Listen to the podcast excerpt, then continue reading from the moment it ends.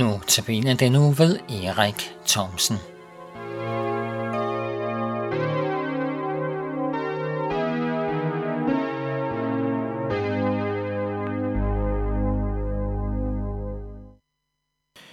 I den kommende uge er det Erik Thomsen, som holder notabene-andagterne. Jeg, Henning Gorte, har Erik her i studiet, og benytter anledningen til at præsentere Erik. Velkommen, Erik. Tak skal du have. Og tak fordi du er der vil påtage dig at holde disse andagter. Du er jo ikke ukendt med Københavns Nærradio, for du har tidligere medvirket flere gange i Notabene-andagterne. Og sidste gang jeg interviewede dig, der talte vi om, at I var flyttet sydpå til Borup. Sydpå i hvert fald i forhold til, hvor I boede før. Hvordan går det så nu, hvor I har boet ved Borup i sådan en længere periode? Jo tak Henning, det går faktisk meget godt. Det er jo klart, når man flytter til et nyt sted, så har man nogle drømme og forventninger og sådan tanker for stedet, og hvad man nu skal i næste periode af ens liv, men, men vi synes faktisk, at vi er på vej mod det, som egentlig også var vores mål. At have et øh, hjem, hvor der kom mange mennesker, i en sådan slags gård, vi har. Der kommer faktisk en del mennesker på gården, som vi taler med, og som øh, fylder vores hverdag med, med glæde samtidig med, at vi har vores privatliv. Ja. Så, øh, så det vi går og arbejder, det er et arbejde, det vil jeg så sige.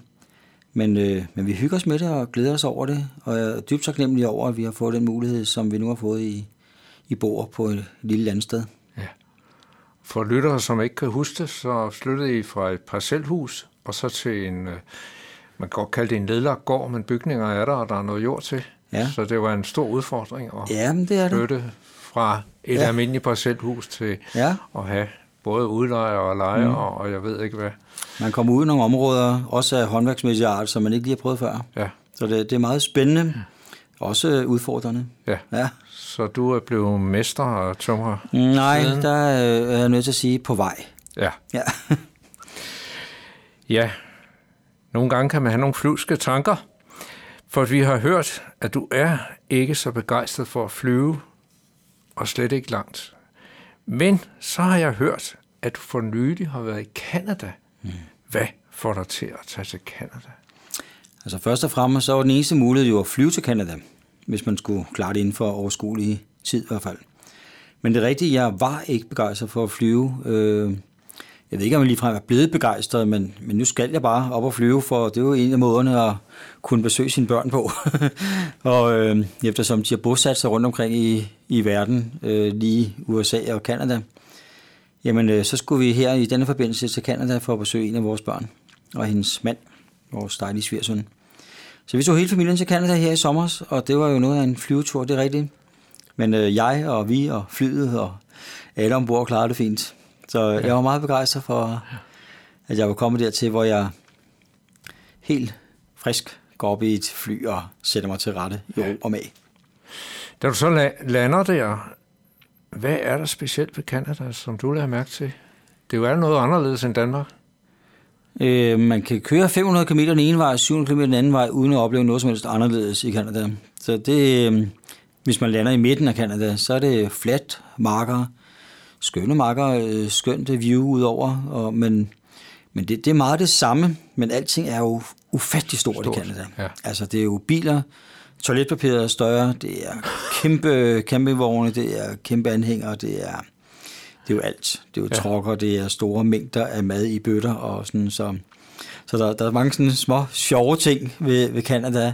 Ja. Men vi var også oppe, oppe i bjergene, og vi var i dagene og søerne, og nogle af de billeder, man sådan ligesom kan google sig til, når man skal sælge Canada, jamen det oplevede jeg faktisk også, og den, den holder. Der er, meget, der er meget smukt også andre steder. Skønt ja. land, meget behagelige og rare mennesker. Jeg troede, Canada også var kendt for meget store skov og jætter. Det er de. Ja, men det, det, det, er der også. Det er der også. Vi var inde i, i nogle skove, men jeg tror ikke, det var de største, vi var inde i, men, men det er rigtigt, der er meget skov. Der ja. er rigtig meget skov. Så selv Gribskov er lille? Ja, Gribskov er meget lille. Ja, ja, ja. Det er mange hektar, de har, de landmænd derovre. Ja. Det er ufatteligt. Ja. Det er jo kæmpe huse, der fungerer som vejetasker jo. Jeg har hørt, der er to sprog i Kanada. Støtter I på den problematik? Det? Nej, det er over øh, østpå ved Quebec, som er sådan en fransktalende ja. område af Kanada, hovedsageligt. Så øh, der er jo en del historisk omkring det, men ellers så er det en enkelttalende del, vi har med at gøre Ja. ja. der. Ja. Ja. Det lyder meget spændende at, at være Canada, men nu er du landet her øh, og sidder i studiet, Ja, og så skal vi snakke lidt om dine andagter. Hvad har du valgt af tema for dine andagter? Jamen, jeg har ligesom øh, tænkt på, på, på, når jeg skulle holde en andagt, sådan, så har jeg prøvet ligesom at se det fra to forskellige vinkler. Eller hvad skal man sige, øh, så nogle nuancer måske. Og derfor så har jeg valgt, at min andagt, der i denne gang her skal handle om sådan to personer ind i samme sag, eller emne, eller begivenhed. For ligesom at få sådan lidt, lidt øh, vinkler og, og forskelligheder omkring det. Så, øhm, så nogle af dem hører ligesom sådan sammen som ægte folk, andre det er sådan far og søn, og nogle er, er modsætninger, og øhm, nogle er søstre, og, og, og til sidst så handler det så også om mig og, og Jesus. Og det er jo på en eller anden måde også en rød tråd igennem, altså hvor er Gud henne i forholdet til, til de to personer, jeg nu har, har skitseret, eller vil forsøge at skitsere. Så, så det er ligesom for at få en, øh, en nuance på det, Ja. øh, som jeg synes er, som jeg håber bliver spændende også for lytterne. Ja. Og det, der ligger i den, det er, at disse nuancer finder vi også selv i vores hverdag. Ja, det er jo det. Det er jo det, og nogle gange kan man have den øh, i sig selv, sådan to nuancer, men andre gange så oplever man dem jo, når man netop taler med et andet menneske. Ja. Så, så det, det er både spændende, men også ja. øh, på ordet udfordrende igen, fordi man jo netop skal forholde sig til, hvad andre i øvrigt øh, synes. Er der nogle eksempler, du kan komme med nu?